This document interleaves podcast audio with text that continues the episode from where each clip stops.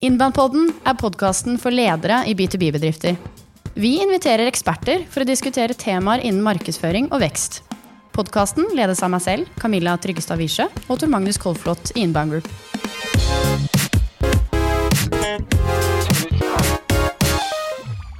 Hjertelig velkommen til en ny episode av Inbound-podden. Det er fortsatt stemmen til Jens dere hører, og ikke Camilla. I dag, eh, ved siden av Tor Magnus, har vi med oss Hege Nikolaisen, som er kommunikasjonssjef i OneX. Et lite norsk teknologiselskap med OpenAI i ryggen, som har tatt verden med storm innen robotmarkedet. Du gjør jo norsk robotteknologi kjent i hele verden. Det er Ja. jo dødskult. ja, det er så ganske jeg gleder meg så mye til å høre hva Hege har å dele med oss i dag. Hege, kan ikke du fortelle litt om deg selv? Ja. Så ja, det er Hege, markedssjef eller kommunikasjonssjef, eh, kommer litt an på hvilken dag det er, i, eh, i OneX Technologies. Så ansvarlig for å ta merkevaren vår ut eh, globalt. Og vi driver jo da med menneskelignende roboter, så det er roboter som er en, eh, eller Eve, da. Vi har to roboter, egentlig. Den ene er Eve. Den er 1,89 cm høy, veier ca. er det 83 kilo, og kan løfte da eh, vekt på liksom 16 kilo. Så det er eh, et fungerende menneske. Da. Så det vi prøver egentlig å lage, er en, en generell plattform som kan utføre oppgaver i eh, menneskelige miljøer, da, altså verden rundt oss, sånn som vi kjenner den. Så Eve har eh, hjul.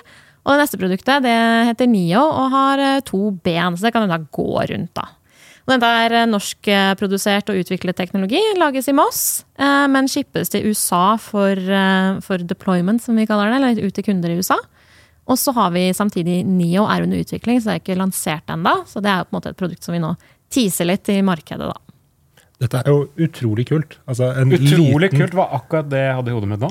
Så nå det kan du se. sa du det jeg tenkte. Kloke hoder osv. Ja. Ja. Uh, Det er utrolig kult. Altså, en relativt liten norsk gründerbedrift fra Moss med teknologi fra Norge som når ut til hele verden. ja. Dette er jo enhver gründers drøm. Ja, og det var jo det jeg tenkte også, når jeg på en måte først ble introdusert til det selskapet som da het Halodi for drøye to år siden.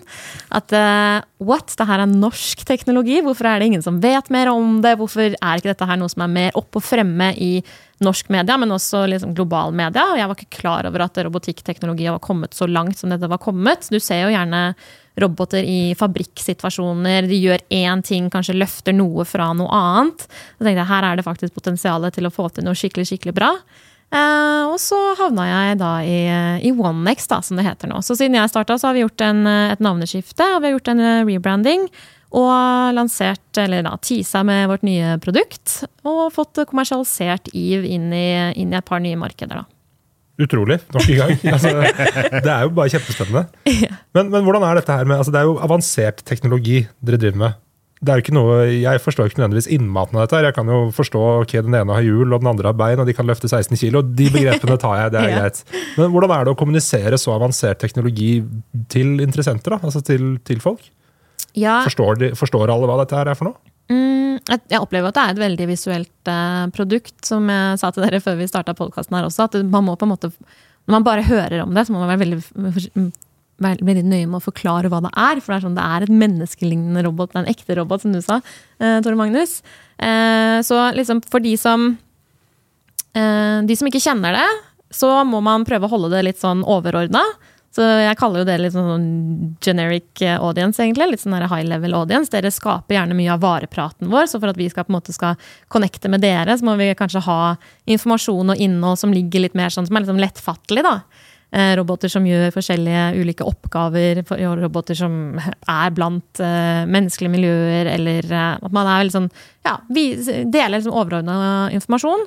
Men så har vi jo et lag til i målgruppa vår, og det er jo investorer. Vi er jo ikke et enda et, Vi har jo ikke en sunn økonomi i selskapet enda. Vi er jo avhengig av investor cash. Og da eh, er det jo på en måte det å snakke ok, Hva er mulighetene med denne teknologien? Hva er den store, lange eh, vyen her? Hva er det du investerer i langsiktig? Og på en måte tegne den overordna visjonen. Eh, samtidig som du må på en måte tillate for teknologi å ta en plass i i, i kommunikasjonen din også. Hva er det som gjør oss unike? Vi har jo store spillere i den bransjen her. Du har jo, Tesla er jo kanskje en av de mest kjente, men også Boston Dynamics er jo kjent også. Blant kanskje mer sånn mannen i gata, med roboter som gjør masse rare ting og hopper og spretter og, og kjører er hei. Salto-roboten. Ja, ja, de gjør salto, og de kan løfte, og de kan kaste ting, og det er jo helt uh, crazy. Uh, så man må jo på en måte touche inn på teknologien, da. Hva er det som gjør, uh, gjør det at vi, vi får disse robotene ut fra fabrikker og trygt blant mennesker? For det er jo ingen som har gjort tidligere. Så hva er liksom kjerneteknologien der? Det må man snakke om. Men du må jo snakke om det på en sånn måte som gjør at du ikke går helt liksom ingeniør-maniac til, til investormålgruppen. Men så er det det tredje nivået igjen, da, som er de ansatte. Fordi vi er jo 100 avhengig av å tiltrekke oss globalt talent. Så vi har jo eh, jeg tror vi har nesten 20 nasjonaliteter i, i OneX. Og noen flytter fra sine respektive hjemland og til Norge for å, for å jobbe med det her. Og da er du jo avhengig av å virkelig overbevise dem med å vite at, vise at eh, du er en høyteknologisk kompetent eh, bedrift. Og her bruker vi eh, bruker vi mye illustrasjon. Vi bruker aktivt de ansatte eh, i, i måte utviklingen av nytt innhold. Om det er en, en, måte, en artikkel, eller om det er et visuelt element, eller om det er en presentasjon, eller hva det skal være. Eh, så er vi opptatt av å liksom bruke ingeniørene inn i den utviklingsprosessen, sånn at det blir faktisk tekni teknisk, eller høyteknologisk innhold, men pakket inn på en måte som er veldig sånn appealing og, og vekker troverdighet. Da. Så jeg vet ikke om det her gir mening. Men eh, det er, sånn, det er en tre, tre lag da, til vår kommunikasjon. Det gir absolutt veldig mening. eh, Og det er særlig det ingeniørnivået du beskriver. altså Det å forklare teknologien, det er jo mange glad i, som driver med, med teknologi selv.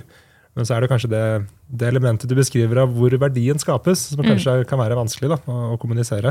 Ja, Og så må man jo klare på en måte å skrelle litt ned uh, ting også, da. Fordi opplever jo at når man sitter med eh, liksom, tunge teknologer og skal prøve å få ut essensen i et innhold, så er det sånn Ok, de tenker at for å si A, så må du også si B. Så er det sånn, nei da, noen ganger så holder det å si A, eller noen ganger så holder det å si B, eller noen ganger kan du bare si A og B, og så holdt med det, på en måte.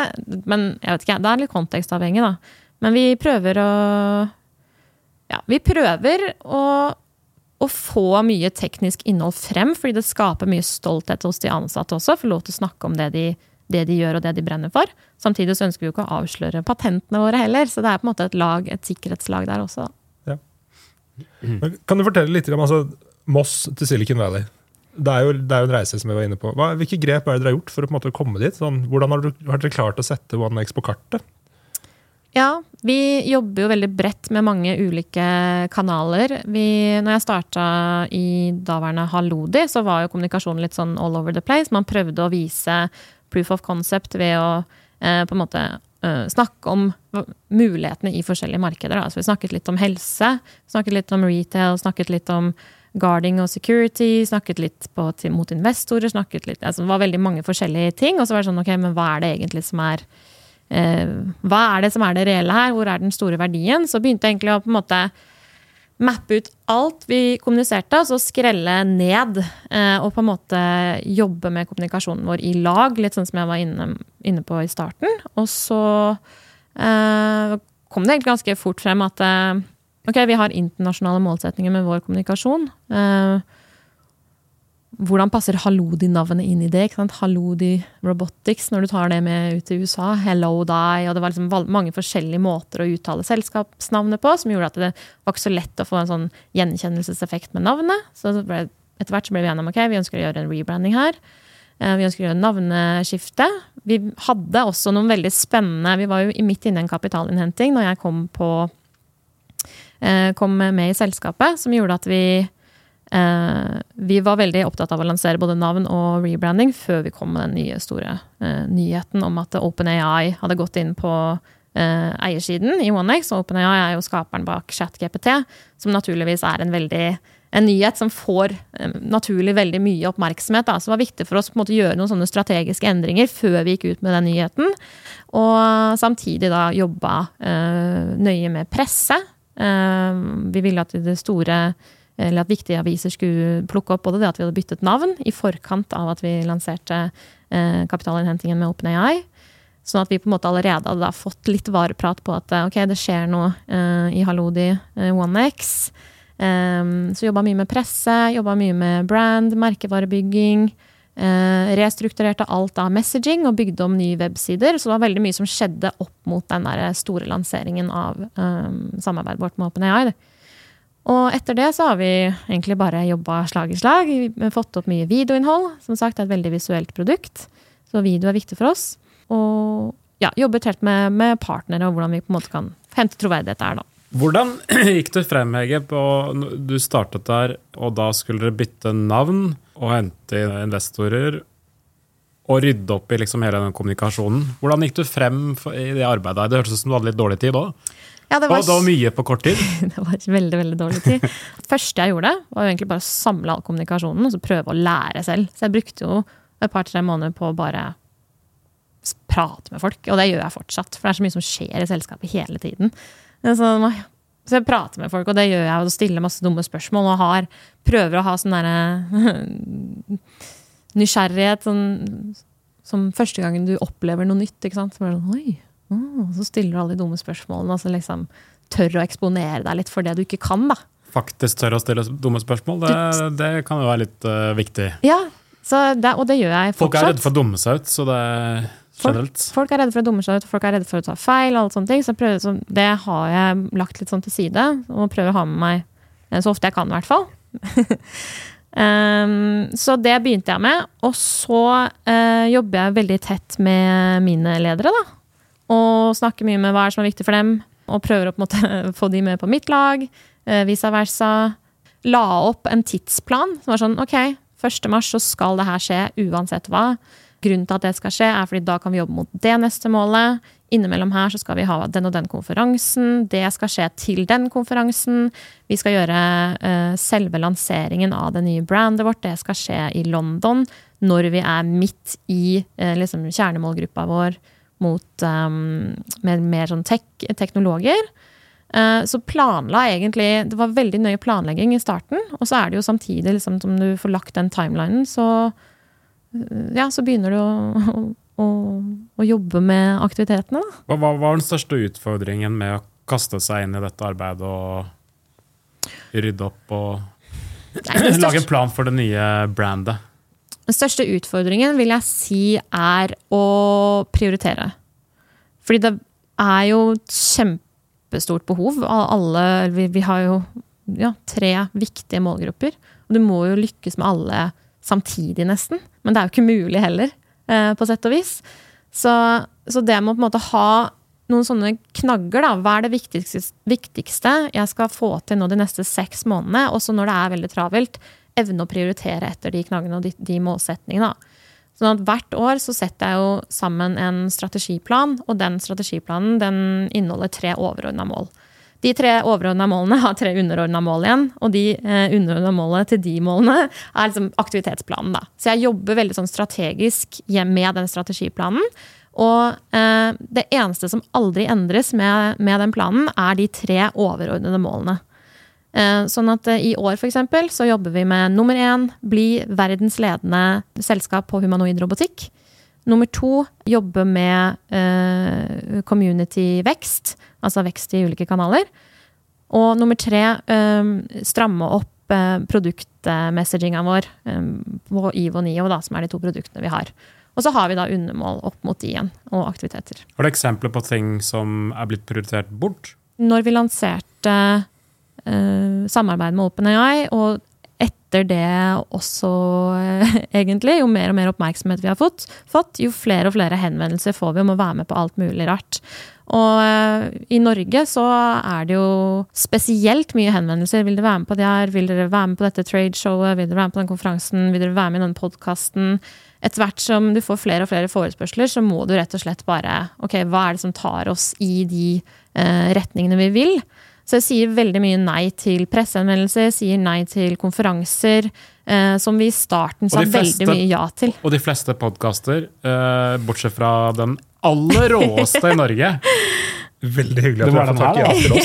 Det må jeg jo si. Ja. det, ja. Hvordan klarte du dette her, da? Det, Godt spørsmål. Ja. Ja, nei, Ja, ja. det skal sies at eh, jeg personlig får ikke så veldig mange henvendelser. Men selskapet, oh, ja, ok. selskapet får mange henvendelser. eh, Nå, Ja, det må vi klippe vekk. Ja, vi klipper bort det. Eh, Men det var, litt, det var kanskje litt slemt, da. Ja, jeg får veldig mange henvendelser, og dette er podkasten jeg har valgt å være med på.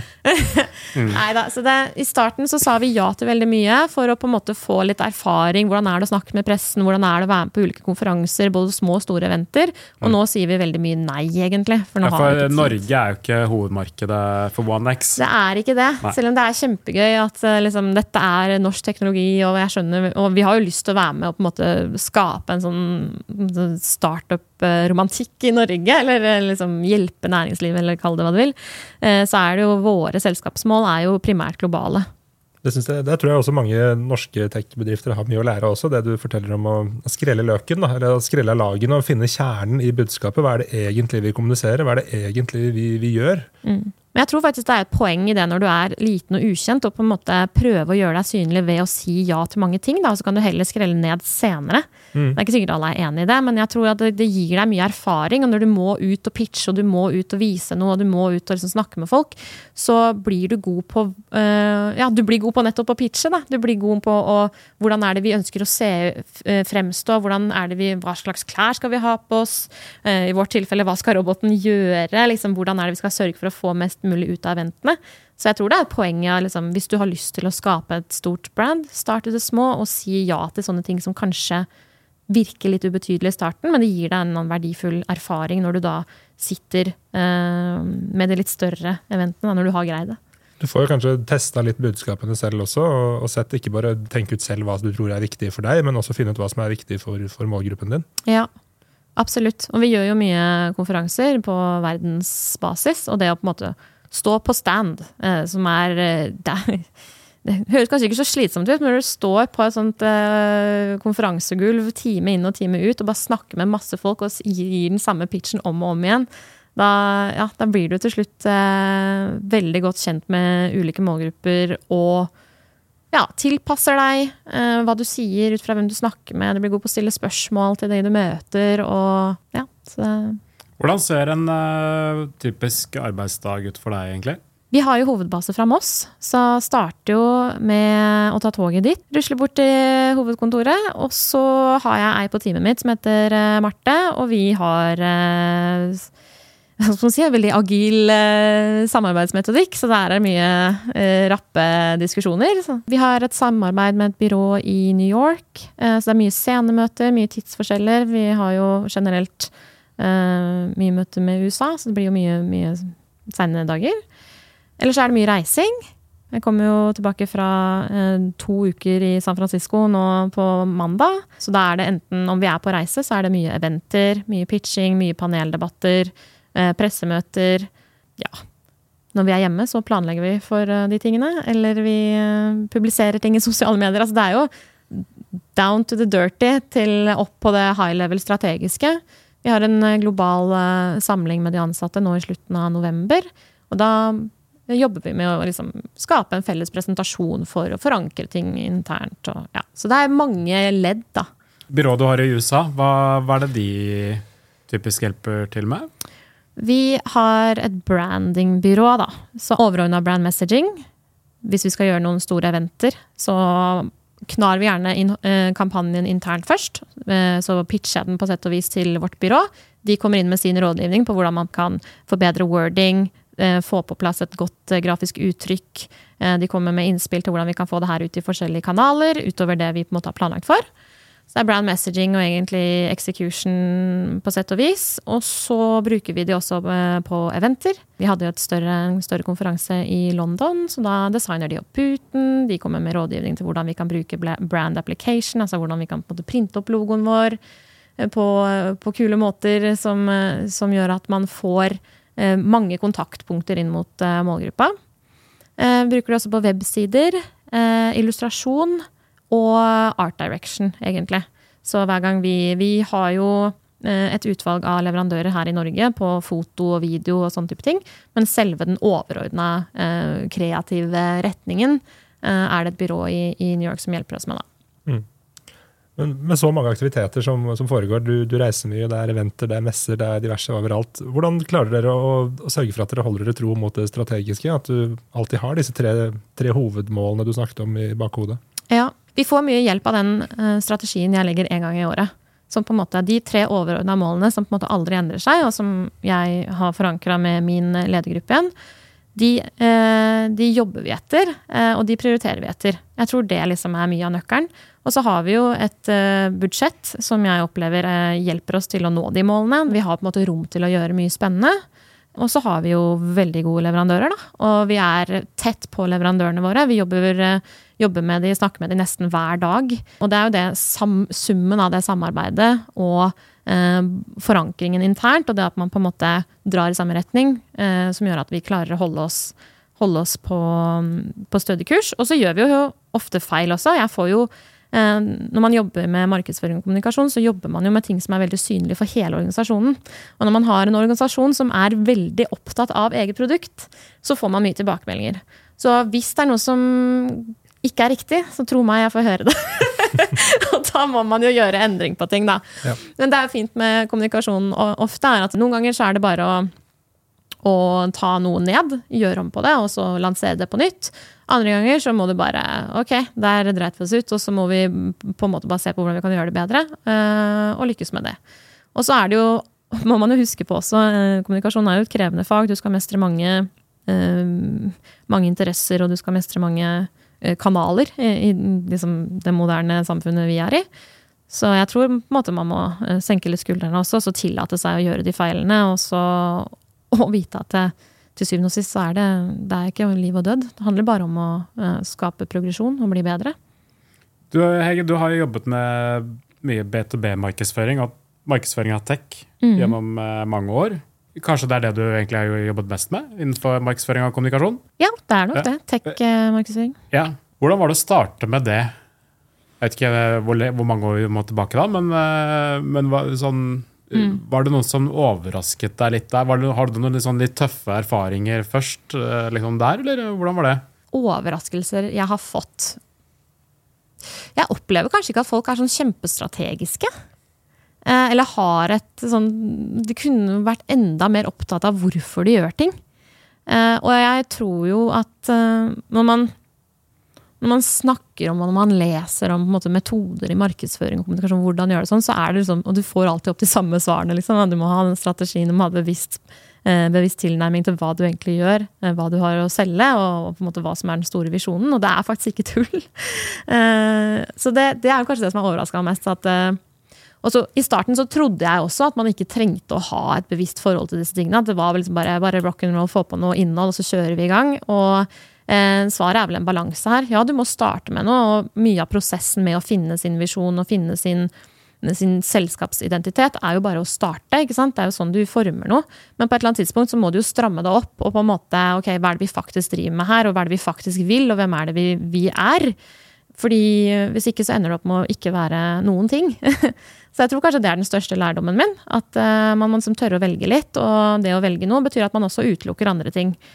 Uh, og her kan man jo også møte seg sjøl i, i, døra, for det er jo fort gjort når man får mange muligheter, f.eks., eller man får mye, mye, leads, eller man får mange som har lyst til å jobbe hos deg, eller nå kanskje romantiserer jeg ting litt, da, så må du fortsatt velge, da. Er, hva er det som er tro mot oss, og hva er det vi faktisk driver og skaper her?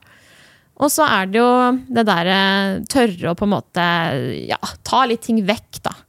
Heller eh, komme med Lag heller fem eh, artikler da, enn å lage én kjempelang som ingen leser. liksom. Og hvordan er det du kan bryte opp eh, kommunikasjonen din i flere lag og gjenbruke ting? Um, med så mange plattformer, så mange muligheter, så har man plutselig stor uh, Kan man få ut mye innhold ut av én produksjon, hvis det gir mening, da. Så det også er at mange tror at oh, big bang, nå lager jeg den her ene tingen, og så skal det ta meg til månen. Men det gjør det ikke. og Så blir du kanskje kjempeskuffa. Så har du brukt mye penger på én ting, da, og så har du lagt mye, mange egg i én kurv. Men uh, hvordan er det du på en måte kan ta den ene kurven og så lage både scrambled eggs og stekt egg og, og kokt egg? Og liksom, ja, bruke ingrediensene smartere for å få mer ut av det. da. Dere er jo sånn sett heldig, da, for å si det, som har disse robotene. Som du sier, ganske visuell, eh, visuell produkt som folk mm. kan se og skjønne hva er. Men mange der ute har jo litt mer usynlig kanskje software eller andre ting som er vanskeligere å kommunisere verdien av, vanskeligere å egentlig forklare hva er. Mm. Hva, hvilke tips vil du gi til de når de skal på en måte finne sin identitet og sin verdi?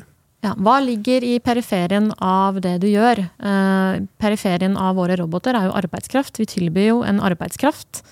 Eh, så det kan jo vi snakke om. Liksom oppgaveløsning og, og hvordan eh, arbeidsmarkedet ser ut. Liksom løfte, eh, løfte kommunikasjonen litt mer sånn overordna igjen. Og jeg tror jo det gjelder for andre selskaper også. Hva er det som ligger i periferien? Hva er det som er mer sånn lett å forstå i forhold til den ene teknologien du driver med? Så det kommer litt tilbake til den visjonen. da. Hva er det selskapet egentlig jobber med? Noe tydelig identitet og vite hvem du er til for. Eh, Ja, rett og slett. Hva, hva er den store visjonen her? Når vi jobber med messaging, så har vi vært opptatt av å på en måte eh, lage knagger. Vi har utviklet liksom Safe, Balanced, Smart, som er tre sånne emneknagger som vi alltid kommer tilbake til for å kategorisere informasjonen vår, sånn at det ikke skal være veldig sånn all over the place når vi snakker, men at uh, all, uh, all info skal på en måte knyttes til noen ord som vi ønsker å være uh, forbundet med. da. Snakk om liksom de, de mer periferiske tingene, men jeg, jeg mener at det skal være rom for å snakke om kjerneteknologien også. Det er jo selvfølgelig der du henter mye troverdighet til syvende og sist, da, når slaget kanskje uh, står. Men uh, få inn de lagene. Det, det er spennende, dette, Tor Magnus. Jeg lurer veldig mye på robotteknologi. Har du, har du robotspørsmål? Jeg har robotspørsmål. ja. Ja, kult. Da har vi snakket litt om markedsføring og roboter er kommunikasjon om tech og sånt, men jeg synes Ja, det er veldig gøy med kjernevirksomhet. Da. For Vi snakket litt om, om disse robotene før, før vi gikk på her også. Mm. Uh, og jeg, jeg syns jo dette er litt skremmende. Altså, Å skulle møte en robot som ruller rundt på gata og som ser ut som meg, det, det syns jeg rett og slett virker skremmende. Ja. Hva, hva tenker du, Hvordan ser fremtiden ut med, med roboter på, på lager? for si sånn? Ja, For det første så ser den jo ikke ut som deg, da. Den har kanskje litt mer den samme formen. Eh, Den har samme formen, det er viktig å poengtere. Nei, hva vi gjør for at det skal være mindre skremmende? Det er jo egentlig å menneskelig, menneskeliggjøre det. Det er jo kanskje litt fælt å si det sånn, men uh, vi lanserer jo en ny innholdsserie snart som heter uh, Studio.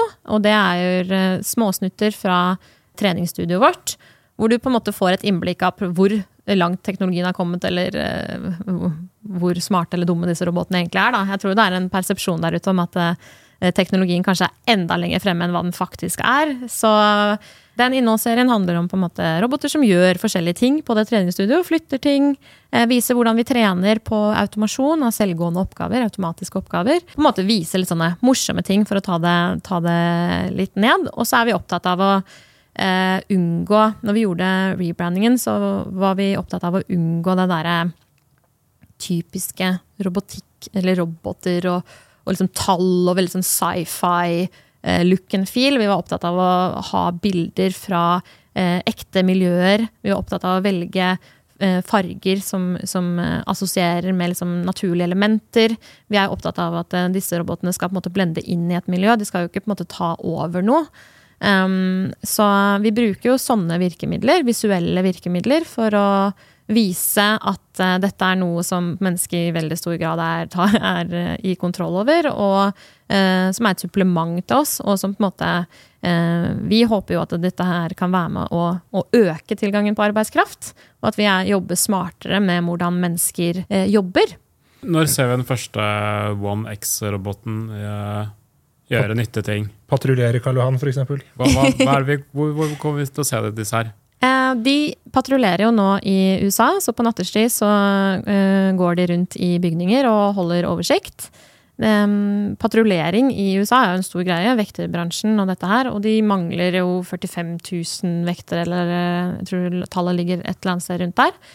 Eh, Så det skjer jo allerede der. Når første roboten i Norge blir å ses, det var jo um, vi får se da, vi har ikke den første kunden, kommersielle kunden i Norge ennå, men vi har jo et testprosjekt sammen med Sunnaas hvor vi ser på hvordan, eh, hvis du er på en måte bevegelseshemmet eller eh, trenger assistanse i hjemmet, hvordan er det du kan bruke en robot til å instruere? F.eks.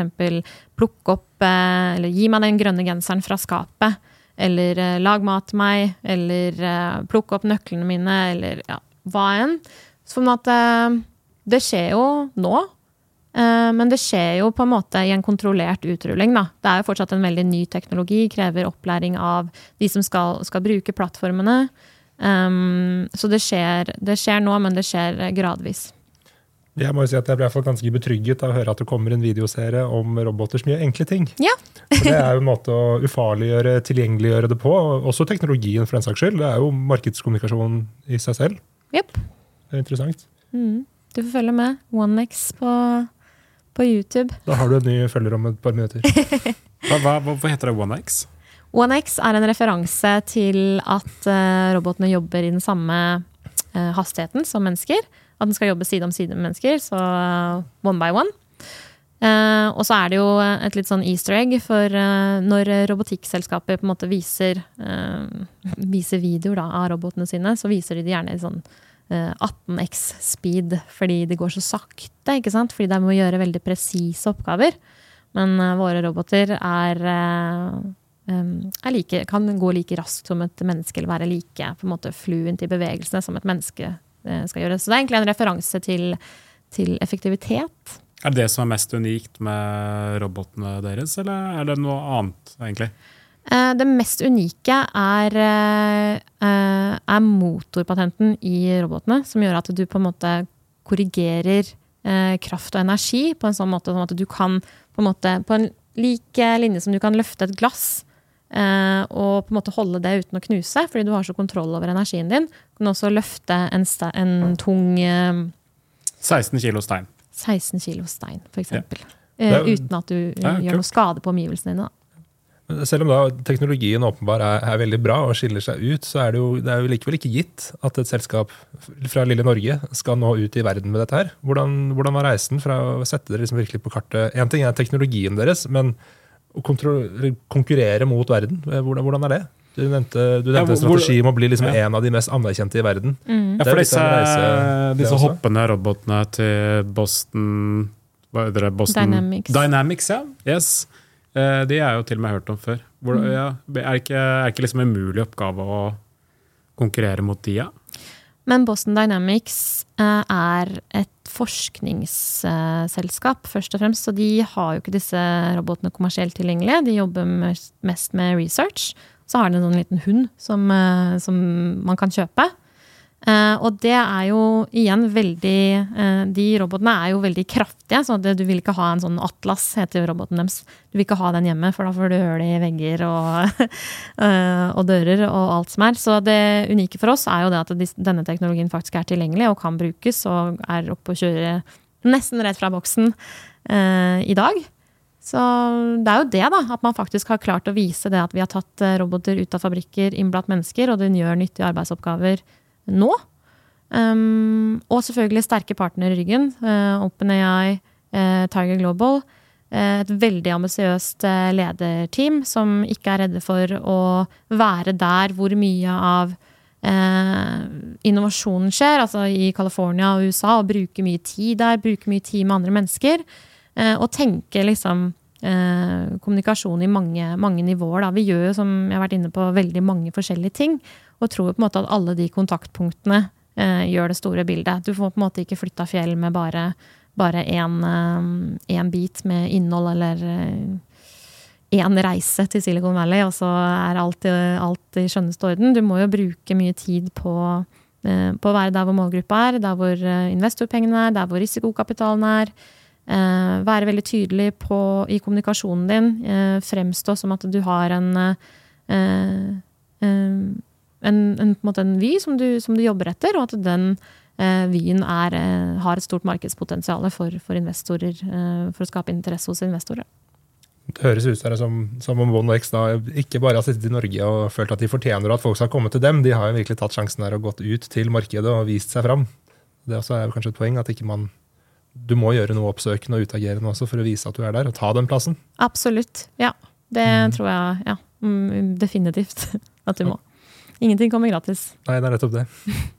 Men når eh, markedet er i USA i stor grad, og mye skjer der, eh, og investorpenger og det ene og det andre, burde nesten selskapet flytte dit, da? Ja, det kan, Blir det liksom, er det litt sånn handikap å være i Norge, eller, eller er det ikke det? Utfordringen er jo å få talent til Norge. Eh, Vi skulle jo gjerne sett at det var enda mer eh, tilgang på robotikktalent her. eh, Og og det er, jo, det er jo ikke noen tvil om at det gjør det vanskeligere for oss, men samtidig så ser du på lønn, lønningene i, i Silicon Valley og disse tech-hubene, så er jo de skyhøye, så det er vanskelig for oss å konkurrere der. Det er nesten lavkostland vet å ha tech-folk i Norge. Ja, det er kanskje å strekke det litt langt. Eh, Men det er fordeler og ulemper med alt. Da. Så det er jo en totalitet. Eh, Gründerne er norske. De vil gjerne være her hvor familien deres er. Eh, Og hvis du kan få til mye av det vi har fått til, ved å på en måte heller investere i reiser og det å bruke tid i California, og da heller planlegge hva er det du skal få ut av den tiden du bruker der, når du først er der, så, så klarer vi det. Hvordan reagerer amerikanerne på at eh, det er et norsk selskap? Jeg tror det skaper en troverdighet. Det er jo mye uro i verden rundt nå, og Norge oppleves som å være en litt sånn stødig nasjon og litt sånn eh, veldig ryddig sted. Eh, så det at det er på en måte norsk design og norsk produsert, eh, opplever jeg gir en troverdighet. Eh, Jeg må stille et spørsmål. Dere er jo fra Moss. eh, Og nå å sette OneX på kartet, det, er- det er kult. Men pølse i vaffel. Hvor mye spises det pølse i vaffel hos eh, X i Moss? Og Det er en Moss-greie, det, kanskje? Meg bekjent, jeg har spist det én gang, og det var i Moss. Ja, ok. Ja. Ja. Ja. Jeg har aldri sett eller spist en eneste pølse i vaffel. Eh, så, men vi har vaffelfredag. Ja. Eh, Og vi har et eh, HR-team som er veldig flinke til å ta vare på oss, så kanskje jeg skal eh, Det er kanskje noe jeg skal ta med meg tilbake til Moss eh, og spørre om hvor blir det av den pølsa på fredag. Ja, for da, da skal jeg droppe neste spørsmål, som var ketsjup eller syltetøy. Det får vi heller ta neste gang. Ja. Er det langt å gå fra togstasjonen til kontoret? Eh, Ti minutter. Eh, Ok. Og Bernt, eh, vår eh, daglige leder, han syns jo så synd på oss som å gå fra togstasjonen, så nå har han til og med satt opp taxier som henter oss på togstasjonen, kjører oss til kontoret for at vi ikke skal fryse for mye. Så det er veldig, veldig hyggelig. Snart blir dere henta- snart blir dere henta av roboter, kanskje, i stedet. ja, kanskje det. Dere har med OpenAI i ryggen. eh, Hvilke ringvirkninger har det gitt eh, i OneX? Hvordan har dere fått utnyttet det at dere har en så solid og sterk aktør i ryggen? Når vi skulle lansere samarbeidet med OpenAI og den siste kapitalinnhentingen, så var jo det en eh, nøye planlagt pressemelding. OpenAI har jo sine interesser som de ønsker å ivareta, og det har jo også vi. Men det vi forenes om, er jo en, et ønske om å bruke teknologi på en måte som er til fordel for verden. Så eh, det var, eh, var en prosess med å få på plass eh, pressemeldingen. Få på plass dine sitatene man ønsker. Sånn vanlig corporate, eh, corporate prosess der. Eh, Og så, eh, utover det, så var det å velge noen medier som vi virkelig ønska denne nyheten ut i. Pitche, god gammeldags pitching. Du, her kommer det noe spennende. OpenAI har jo mye blest fra før av. De var jo på en veldig god bølge akkurat når vi lanserte vår, eh, vårt samarbeid. Så det var jo lett å få den, eh, den nyheten plukket opp. Så det var jo må Her har vi noe gull.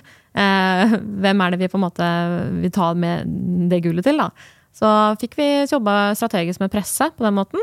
Og så er vi nøye med å bruke OpenAI sin, sin logo der det på en måte gir mening for oss. Men så er det også et viktig poeng at eh, vi er på en måte ikke vi er jo en uavhengig organisasjon, eh, så vi ønsker jo ikke at OpenAI skal bygge hele brandet vårt, men vi ønsker at det skal ligge der som et sånt subtilt eh, troverdighetsstempel, egentlig, da, og hjelpe oss med kredibilitet på den måten.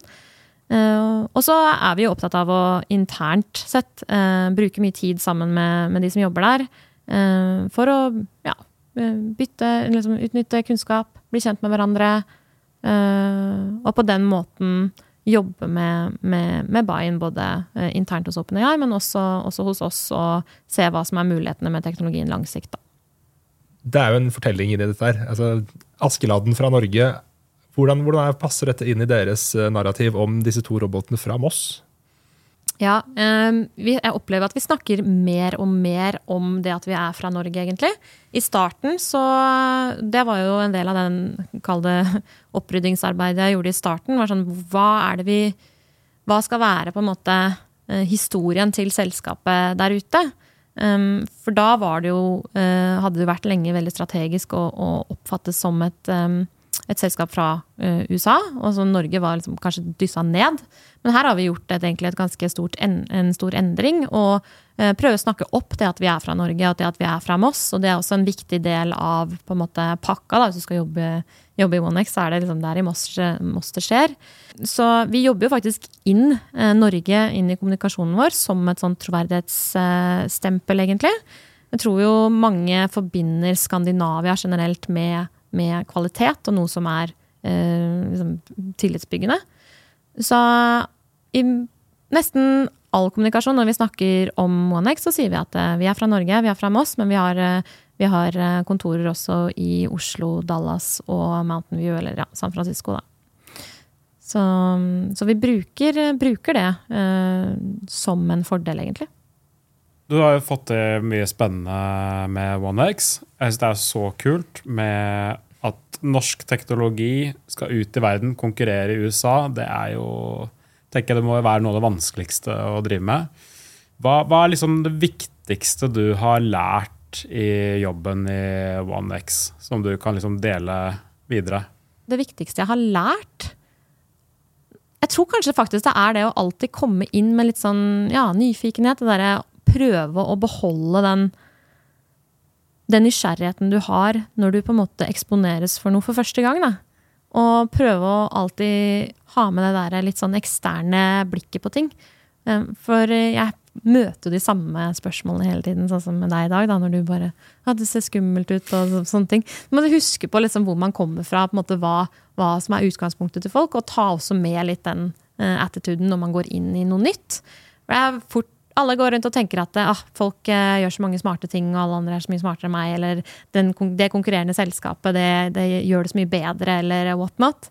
Eh, eh, men hvis man har liksom med den nysgjerrigheten og bare den ehm, den holdningen når man går inn i nye prosjekter, skal lære noe nytt, skal begi seg ut på et mål som på en måte virker veldig sånn far-fetched out there, så, så kommer man langt, da. Og da tør man, eh, tør man å ta litt bold moves, og man tør å kaste litt ut i ting, og man vet ikke helt eh, Ja, man, man tør å tenke at ok, jeg vet ikke helt hvor det her fører meg, men det føles liksom Jeg er nysgjerrig, og jeg, jeg begynner liksom å grave, i hvert fall, da. I tillegg til at du tydeligvis har jobbet veldig planmessig. Hørtes det som? Jobber planmessig. Ehm, men det har jeg alltid gjort, så jeg vet ikke om det er unikt for liksom nei, men det, men det, det er vel en viktig ingrediens i, i suksessen? Det er en kanskje? viktig ingrediens. Så, og det også kan jo være et tips, da. Ehm, ha et strategidokument, men bruk det som et levende dokument. Ikke bare utarbeide og så på en måte legg det fra deg. Jeg sitter med strategidokumentet, det er jo eh, basically en, en presentasjon, en powerpoint, oppe i, i Chrome hver eneste dag og gjør endringer. Se, følg med. Er, liksom, gjør vi de målene vi skal? Eh, trenger jeg kanskje å formulere om eh, det undermålet her for, å, for at vi skal være mer på eh, på eh, liksom måle, nærmere målstreken. Eh, Så bruk strategidokumentet. Ikke, ikke nødvendigvis endre på de store overordna målene, men tør å på en måte bruke det som et levende dokument. Eh, Og bruk det aktivt også inn mot team og inn mot eh, de du trenger å få med deg for å lykkes, da, som kan være en ledergruppe, eller det kan være eh, de ansatte.